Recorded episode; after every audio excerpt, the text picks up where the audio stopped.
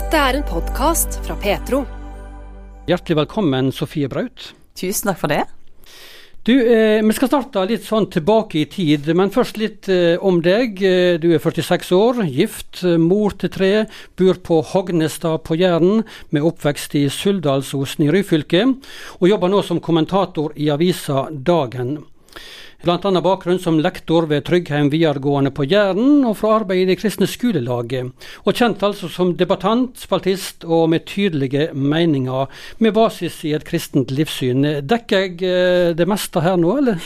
Ja, det var jo høres ut som du dekker det meste og, og mer til. Altså her, ja. Kjenner meg igjen. Ja, og så er det sånn at her på Petro så uh, vil vi gjerne òg ha fram troshistorie. Og nå skal vi tilbake til uh, din barndom og oppvekst oppvekst eh, i Suldalsosen i Ryfylke. Hvor tidlig i livet fikk du et forhold til eh, kristen tro? Oi, det er jo et veldig godt spørsmål. men jeg tror det går liksom egentlig helt tilbake til så lenge jeg kan huske. For mor og far tok meg nå med i, i kirka, spesielt. Det er vel kanskje noe av det som fester seg aller mest hos meg. med med, det er mye jeg kirke å se på for en liten unge, og, og, mange fine bilder og farger, og ikke minst sang og musikk. Så eh, det, det preger nok eh, liksom, så langt tilbake som jeg kan huske, og, og egentlig heimen òg. Men, men, jeg har nok et minne fra jeg var ti år. Da, da fikk jeg en av disse typiske som sikkert en del ser for seg sånn eh, bibel i, i rødt skinn med glidelås og gullkant på, eh, og med navnet mitt og, og datoen bakpå. Det fikk jeg på tiårsdagen min, da. Så det er et sånt eh, minne jeg har. Så var, det var litt stas, så jeg husker det. Mm. Eh, hva bilde hadde du av Jesus som barn, sånn du husker i dag? Eh, for meg tror jeg trua var noe veldig trygt. Eh, jeg hadde med meg eh, bilde av Jesus og en som jeg fikk høre om både på Speideren Jeg levde jo i en tid da en fikk eh, til og med høre om han på skolen, ikke sant? Eh, på en annen måte igjen enn i dag. Og, og det, det, ble formidla både på Korvetten, som vi kalte det, var sånn yngre slag som var hjemme på bedehuset i Suldal, og med ja, så jeg tror bildet mitt av Jesus var en som eh, kanskje kan oppsummere med tett ved sida mi går Jesus. Alltid vil han være der. Jeg trenger ikke gå ottest når jeg fyller Jesus her. Den sangen sang vi mye hjemme og, og, og på bedehuset. Det, det, er nok en sang som kanskje oppsummerer litt barneårene mine med Jesus. Var dette et bilde av Jesus som òg holdt seg inn i ungdomstida, Sofie Braut?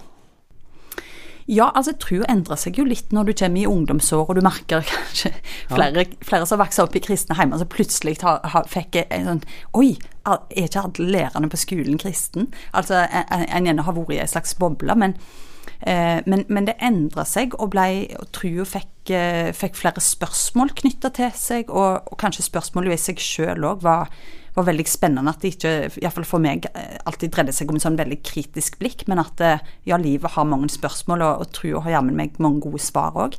Men, men, men, hva spørsmål var det? Eh, ja, det kunne jo være spørsmål eh, eh både knytta til liksom om faktisk Gud fins, altså helt sånn grunnleggende, for det hadde vært så veldig selvsagt for meg. Så kommer en jo til et punkt der en liksom tenker ja, men ja vel, en usynlig venn, men, men, liksom, er det faktisk en usynlig venn, eller fins han i det hele tatt? Så tror nok noe av det dukker dukka opp på et eh, når ungdomstida kom, iallfall. Eh, men ikke minst dette, og hva plass skal egentlig trua ha? Kanskje, kanskje, det har egentlig vært mer spørsmål som meg. Så hva plass skal trua egentlig ha i, i, hverdagen, mer enn om, om Gud finnes? For det tror jeg kom ganske fort til rette med at det var en sånn ting som jeg eh, virkelig syns er god eh, forklaring på at vi i det hele tatt finnes og er her. For det er jo ganske forunderlig. Så jeg har nok vært litt sånn filosofisk anlagt fra, fra ganske tidlige år. Du, eh, Som 16-åring så flytta du vekk fra Suldal. Eh, da gikk du inn på internatskole på Jæren, Tryggheim videregående, som du har jobba på seinere. Og så gikk skolen, eh, gikk, ble det bibelskole, og så ble det studier. Eh, ble eh, trua med på flyttelasset hele veien her i denne her eh, opplæringstida i ungdomstida? Ja, på litt ulike måter så ble nok trua med meg på veien. Og, og, og, spesielt året mitt på Hall på bibelskolen der i regi av, eh, av, laget, så fikk jeg jo et møte med en, eh, en gjeng med utrolig dedikerte, dyktige lærere som òg var enormt godt skolert i teologi. Eh, og så lærte oss mye både med livet sitt og måten de framsto på som personer og menneskelig. Og òg den kunnskapen de formidler. Så for meg var det et sånt ja, veldig viktig år i å forankre trua mi. Eh, men det er klart at når, når jeg kom på Universitetet i Bergen og, og studerte der, så merka jeg jo at det var et slags ja, der var det virkelig et skifte. altså Der ble, ble tru egentlig eh, noe som alltid ble stilt veldig spørsmål med. og til dels kanskje sterkt å si latterliggjort, men litt sånn indirekte. Altså De store fortellingene var døde, var det vi fikk høre der. Eh, å ha sånn tro på noe sånn eksistens, altså eksistensielt og essensielt, det, det var òg liksom noen bare skulle stille spørsmål med. Det var, sånn var på en måte eh, hva skal jeg si, eh, det, det, var det en skulle gjøre på universitetet. Så jeg merka at det kunne bli litt sånn eh, avstand mellom den jeg gjerne var kunne jeg være akademiker og, og en, en dypt kristen, da, ble jo av de, et av de spørsmålene som gnagde litt en periode da. Og, så jeg, jeg, tror jeg pendla en stund liksom mellom litt hvem jeg var på universitetet, og hvem jeg ønsket å være eh, ellers, for å si det sånn. Ja, Trekk du deg litt tilbake da med, med din egen tru? Ja, jeg tror jeg gikk over i en periode der jeg kjøpte litt der at tru fikk være noe privat, og der jeg, eh, der jeg holdt en veldig lav profil som kristen. Litt sånn Kanskje òg det dukka opp noen spørsmål der som jeg følte jeg ikke helt hadde kommet til rette med. at det, Typisk sånn redde for kanskje alle spørsmål en kunne få. og Det er jo noe jeg har kjent igjen nå i arbeidet med apologetikk og trosforsvar. at det, det, føler jeg er noe jeg eh, har erfart sjøl, at det kan være ganske krevende. Um, og, liksom føle at en får, skal stå til svars for trua si på alle mulige måter. Men, men, gradvis så tror jeg jeg bare merker at dette her er viktig. Uh, dette er så viktig at jeg må jeg må bare flagge det. Ja. Mm. Av alle verdens livssyn, hvorfor Bibelen og Jesus? Ja, det er et kjempestort spørsmål, og jeg burde jo kunne gi et veldig kortfattet svar på det. Kanskje hvis jeg har jobba med Grillen kristen, der vi roser oss av å kunne gi korte svar ja, på store spørsmål. Ja. Det handler om trosforsvar og apologetikk. Akkurat. Ja. Eh, nettopp. Og eh, jeg tror For meg er, er veldig mye av dette knytta til Bibelen og Jesus som en historisk person, som brennpunktet for hele historien, og for den vi fremdeles har tidsrekninga vår etter i hele den vestlige verden. Det er så overveldende med bevis for at Bibelen er historisk korrekt på veldig mange punkt. Jeg har blitt overbevist om det av historisk altså historikere og, og andre som eh, er vitenskapsfolk og dypt kristne. Eh, og så må jeg bare si at det, det er noe som er med mannen fra Nasaret som er utrolig spennende og fengende. Så jeg tror jeg eh, har forandra livet på en måte som at det han har gjort for meg, da, er det som overbeviser meg om at dette er faktisk sant. Hvis du treffer en person som nå Det er jo en del som kjenner Sofie Braut etter hvert. Eh, hvis du treffer en person nå på bussholdplassen eller på, på, på, flyplassen, du skal rekke noe av liten tid, men så kommer de i prat om, om tru, så skal du gi et kort svar på spørsmålet 'Hvorfor er du en kristen, Sofie?' Hva mm. ville du sagt da? Jeg tror jeg ville raskest mulig komme meg til eh, personen Jesus, for det første. Eh, og sagt noe som minner kanskje litt om det han som Jesus helbreda i Bibelen. Jeg var blind, og nå er jeg seende. Han har gjort eh, noe i livet mitt. Og, og det, basert på situasjonen så ville jeg liksom ville jeg kanskje vurdert litt hva jeg trekte fram, hvor personlig jeg ville være. Men jeg ville iallfall sagt at han har virkelig endra livet mitt og, og, gitt meg et liv der jeg eh, har håp. Eh, for livet her på jorda, men òg for det som skjer etter døden. Men jeg ville òg spore Hvis jeg hadde veldig lite tid, så ville jeg for all del fått sagt noe om Bibelen. Og fått sagt gå til et av Bibelens evangelier. Les det som står der om Jesus. For jeg tror egentlig ordet har virkelig eh, evne til, eh, til å gripe inn i et menneske sitt liv. Da. Og for ikke lenge siden hørte jeg jo f.eks. om han her som mange kjenner som Poirot, eh, David Sushet, skuespilleren, som jo vitner om at han eh, las romerbrev, eh, og romerbrev 8 spesielt, på et hotellrom helt uten å ha en kristen bakgrunn, og, og ble altså en overbevist kristen gjennom det. Og det er mange sånne vitnesbyrd om hva Bibelen betyr for, eh, har betydd for menneskets tro. Så jeg, jeg tror òg det når det gjelder forankring, at en faktisk har eh, et holdepunkt, så tror jeg det å ha, ha, Bibelen, og ikke bare ha en personlig historie å støtte seg til, f.eks., er så viktig. Du møter Sofie Braut, eh, kommentator i avisa Dagen.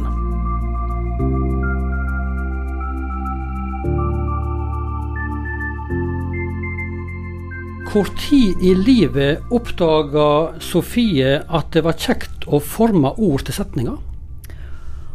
Ja, Det blir eh, Oi, det var et vanskelig spørsmål. For det er òg noe som har ligget veldig eh, dypt i meg. Altså, jeg har nok litt både å snakke og, og skrive. Jeg har blant annet eh, oppdaget jeg noen sånne gamle dagboksider. Det er kanskje ikke så vanlig, uvanlig altså at en, en, jente driver og skriver noe fint og pyntelig i ei dagbok, altså. Men, men, men, jeg tror eh, det, det, er noe jeg har liksom hatt så Jeg har likt så godt lesing og, og det å skrive og, og har nok hatt en sånn sans for ord, eh, og ikke hatt sånn kjempeutprega praktiske evner, da, som en, kanskje som en følge òg. Så, eh, så ordene de har, eh, har fulgt meg. Jeg har alltid vært veldig fascinert av eh, vanskelige ord. Så mor hørte ofte på noen nyhetssendinger og sånt når jeg var liten. Husker jeg satt på kjøkkenbenken og hørte, og plutselig så var det liksom kom jeg med noe sånn kjernefysisk Jeg hadde liksom noen sånne uttrykk der jeg bare totalt Jeg forsto ikke hva ordet betydde, men jeg likte å gjengi de og snakke om de.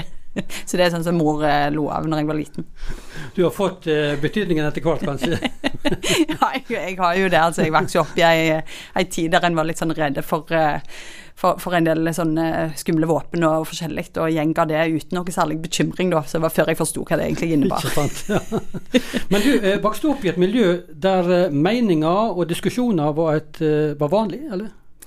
Ja, altså Ryfylke er vel egentlig kjent for å, for å ha en del eh, meningssterke folk eh, gående omkring. Og jeg, tror absolutt at jeg vokste opp i en sånn familie som, eh, der, eh, der, det var ganske mye høyrøsta og høylytte meninger og, og synspunkt. Og så Eh, så en ikke var redde for å flagge og si. Og så var det nok en sånn, ny, sånn familie som var opptatt av nyheter, og det som rørte seg i samfunnet, og, og det som uh, foregikk i, i, i uh, media, holdt jeg på å si. Så, så, det var nok en del av, av oppveksten min, da, i tillegg til dette med kirke og bedehus, skulle jeg til å si. Mm. Du er mor til tre. Du begynte å skrive, fortalte du meg, når du var ganske ung som mor. Som ei avveksling i småbarnskavet, kanskje? Ja, altså Iallfall i mer sånn ordna former, skulle jeg til å si. Jeg, eh, jeg, skrev jo mye når jeg var student, og vi hadde jo eh, uendelig lange eksamener. Men akkurat det der å skrive inn i så, som meningsspalter og slikt noe, det kom, eh, det kom nok i den fasen der plutselig jeg var hjemme med eh, eldstemann Lyder og hadde litt sånn feil å si at jeg hadde god tid, for du føler vel dagene fyker du òg. Men jeg, jeg, kjente jo at det var ei side av meg som jeg ønsket å ta, ta vare på. At det, meningene hadde jeg jo fremdeles med meg og ønsket å sette uh, lyd på. Så det var litt sånn uh, Ja, det var nok som ei slags avveksling, ja. I en veldig god en veldig god tid, Jeg husker seg veldig god tid i livet, da, når en er hjemme med ungene og har litt sånn annen, andre ting en holder på med enn bare skynder seg på jobb. Eh, du begynte å sende inn til Stavanger Aftenblad. Så du vært spaltist i Vårt Land, og i dag så er du kommentator i den kristne avisa Dagen. Blant eh, alle verdens debattema, eh, hvordan har du tenkt opp gjennom rundt temavalg? Dette skal være min temasfære, her vil jeg skrive rundt. Hvordan har du tenkt der? Nei, altså det, det, er litt interessant du spør hvordan har jeg tenkt, for jeg kan vel ikke akkurat si at jeg har lagt en sånn eh, langtidsplan eh, fra, fra, dag én. Det er litt slik at og så er det med mange ting i livet. Ting, ting tar litt form etter hvert, og en ser litt hva en er interessert av. For meg har det nok vært litt at jeg begynte å skrive i ei spalte i Stavanger Aftenblad som etter det jeg kan huske et liv og levebrød. Eh, og det er jo veldig vidt. Eh, jeg klarte mest ikke å tenke meg noe som kunne, ikke kunne passe i ei sånn sånn spalte. Men jeg, jeg, merker jo at trua har vært ganske sånn formativ. At jeg har blitt opptatt av spørsmål som på en eller annen måte knytta til dette med eh, eksistens, eh, f.eks. Hvorfor er vi her? Eh, mer grunnleggende eksistensielle spørsmål som trua er opptatt av, da. Eh, og ikke bare ta, ta livet så selvsagt, men eh, å se på livet som ei gave, f.eks. har vært viktig. Eh, mange sånne tema som gjerne eh, på en eller annen måte indirekte òg er knytta til dette med, med kristen tro. Spørsmål som takknemlighet, om ja, hva vi skal regne som et liv, hva, hva tid livet begynner. Dette med å engasjere seg i vern for de ufødte, f.eks., har, har vært viktig for meg. Også ble jeg trukket inn som sagt, på et tidspunkt i vårt land der det kanskje enda ble, ble enda tydeligere at det var nettopp tru og, og tema knyttet til tru jeg skulle skrive om. Eh, og samtidig med all denne meningsytringa, så har jeg òg skrevet ja, andakter og taler og forskjellig slikt. Så, så på en måte har det vært litt sånn flere spor i denne skrivinga, da. Mm. Det er mange temaer du er innom, bl.a. dette her òg med, med likekjønna vigsel, eh, som har kommet inn i kirka senere år. Når du skriver om sånne kjenslevare tema, som homofili til dømes og sånn, hvordan tenker du da hvor tydelig skal jeg være her? Er du redd for å såre mennesket når du sitter med et manus og sånn, eller hvordan tenker du rundt det? Jeg tror jo iallfall at uansett hva meninger en skal formidle, så må en prøve å se for seg den som skal lese, og ha et uh, Iallfall for meg er det utrolig viktig dette her, som det er vel en danske filosof som sier at uh, du, du heller liksom en liten bete av den andre i din hånd. Uh, han her Løgstrup er det vel som sier det. Og, og jeg, tror, jeg tror det der å prøve å ivareta en sånn grunnleggende redelighet over de som lytter til det du og leser det du sier, det, det tror jeg er kjempeviktig, altså. Og spesielt kanskje i forbindelse med sånne saker. Men ellers òg at en ikke bare er opptatt av at nå har jeg sagt mitt. Eh, og, og, og, liksom dryle til meg storslegge. Eh, jeg, jeg, tror det har vært viktig. Og så er det jo alltid noen som vil oppfatte at når en har en sånn type synspunkt som jeg har, f.eks. at eh, det kristne ekteskapet er for en mann og en kvinne og ei pakt og noe livslangt, så, så, vil jo noen synes at du uansett er for brutale. Så den må jeg jo tåle. Jeg kan jo ikke regne med som kristen at, eh, at samfunnet rundt meg, som i stor grad er sekulært, eh, uten videre synes at mine ideer er kjempegode. Så det må jeg bare på en måte tåle litt òg. At folk det er jo det, det vi egentlig ønsker, at samfunnet skal være fritt, at folk skal kunne se ting ulikt.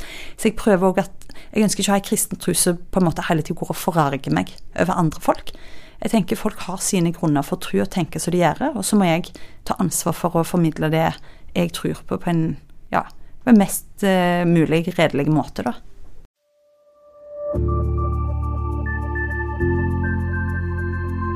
Du møter Sofie Braut, kommentator i avisa Dagen.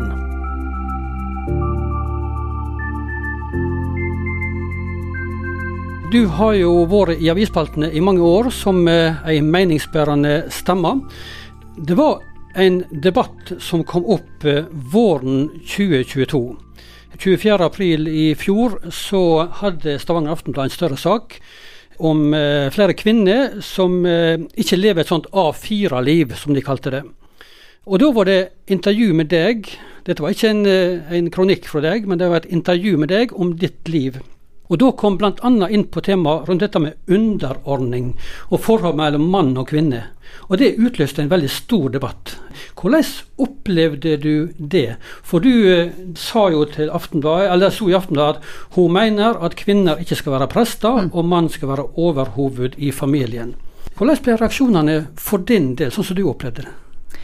Nei, det var jo Det ble veldig sterke reaksjoner på det, til dels fra veldig mange forskjellige hold. Og kanskje i motsetning til mange andre debatter jeg har vært i, så ble det òg veldig mye omdebattert i, internt i kristne miljø, der plutselig folk seg stort sett alltid uh, står i lag med, nå nok lurte på hva i alle dager jeg holdt på med. Det er jo veldig mange forskjellige perspektiv på akkurat dette, og det er nok noe vi tenkte nok òg med en gang at dette er vi jo ikke vane å snakke om i det hele tatt. Og det òg har vært mye av responsen, altså. Så det var jo ei Hva skal jeg si, det var ei ganske sånn spennende og til, til dels, iallfall første del, litt eh, krevende for meg. For andre ganger når jeg gjerne har skrevet en kronikk eller vet at jeg har, eh, har underbygd en argumentasjon, så, så, så, er det jo veldig kjekt å få respons og vekke debatt. Det kan jo være en veldig sånn fine ting, da.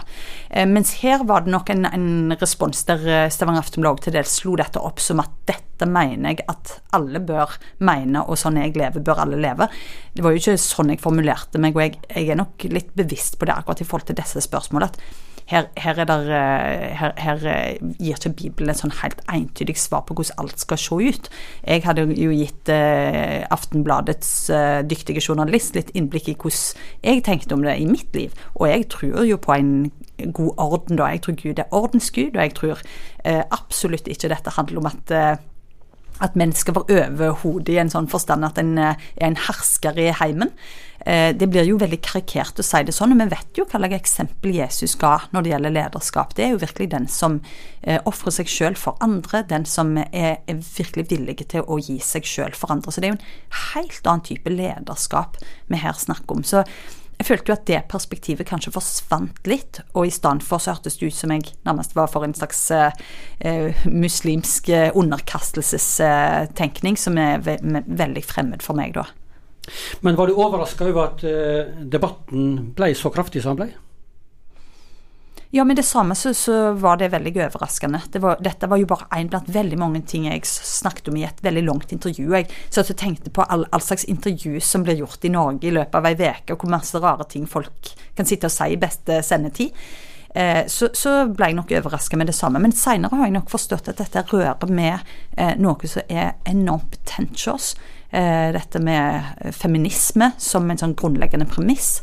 Eh, så, så en bare ikke har lov å stille spørsmål med, f.eks. Så sånn sett så er jeg jo litt glad òg for at eh, det var mange ting her som kom opp som ga grobunn for mange spennende samtaler. Du skriver og er meningsytrende med tydelige meninger i det offentlige rommet. Men debattene du står i, nå tenker jeg ikke spesielt på den underordningsdebatten i fjor, men generelt, tilbakemeldinger sånn, går det inn på deg, eller hvordan håndterer du når folk er uenige med deg? For det regner du vel med? ja, og etter mange år så må jeg jo, må jeg jo se på det med uenighet. Altså Jeg må, må, jo ta en fot i bakken og si at dette er jo noe jeg egentlig ønsker. Altså det, det, Når jeg tenker på hvordan et samfunn jeg vil ha, så er det jo nettopp det med plass for en som meg, en såkalt konservativ kristen. Eh, selv om jeg føler jo at det er litt Det kan jo være litt begrensende å se seg selv sånn, men, men det er sånn en kan bli oppfatta.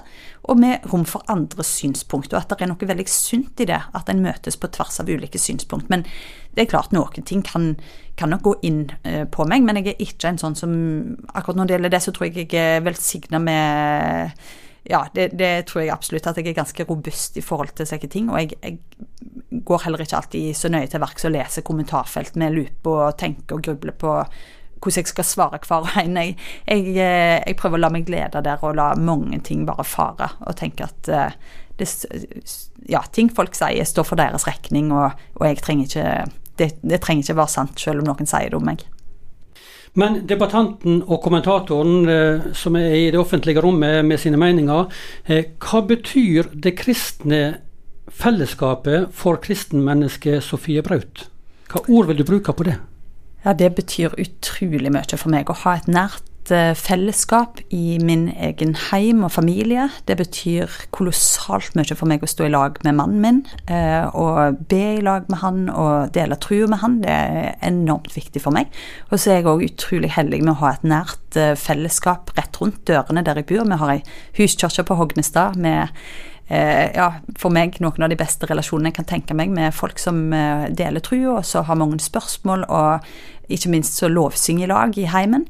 Eh, det er veldig viktig. Og så er vi del av et større fellesskap òg, og få jevnlig påfyll av, eh, av ja, Guds ord, av fellesskap, av det å stå i lag med andre. Det, ja, jeg kunne ikke vel egentlig klart meg uten Jeg tror vi skapte fellesskap, så jeg er helt avhengig av det. Ja, hvorfor er det viktig dette med fellesskap i en sånn kristen sammenheng, kristne menigheter? Nei, jeg tror, jeg tror, vi trenger å stå i lag. Jeg tror trua vår, når vi bekjenner og står i lag med andre og, og snakker om trua, så blir det mer virkelig for oss. Og jeg tror det er sånn Gud har skapt oss, rett og slett. til å til å sette ord på trua. At det med, liksom, I din munn og i ditt hjerte står det jo blant annet. Og det er klart at det er den kombinasjonen der. At en, ja, trua er noe en har inni seg, og på en måte noe veldig dypt personlig mellom meg og, og Gud. Og samtidig så er det en fellesskapsdimensjon der når vi setter ord på ting. Akkurat som med andre ting vi setter ord på, så blir det mer virkelig for oss. Da. Så jeg tror, jeg tror, det er noe veldig sånn grunnleggende der som vi kanskje sånn forstår eh, intuitivt. Mm. Du har lyttet til en podkast fra Petro. Flere podkaster fra oss finner du bl.a. på petro.no og i Petro-appen. Der kan du også høre radiosendingene våre 24-7. Husk også at vi sender på DAB mange steder i Norge. Vi høres!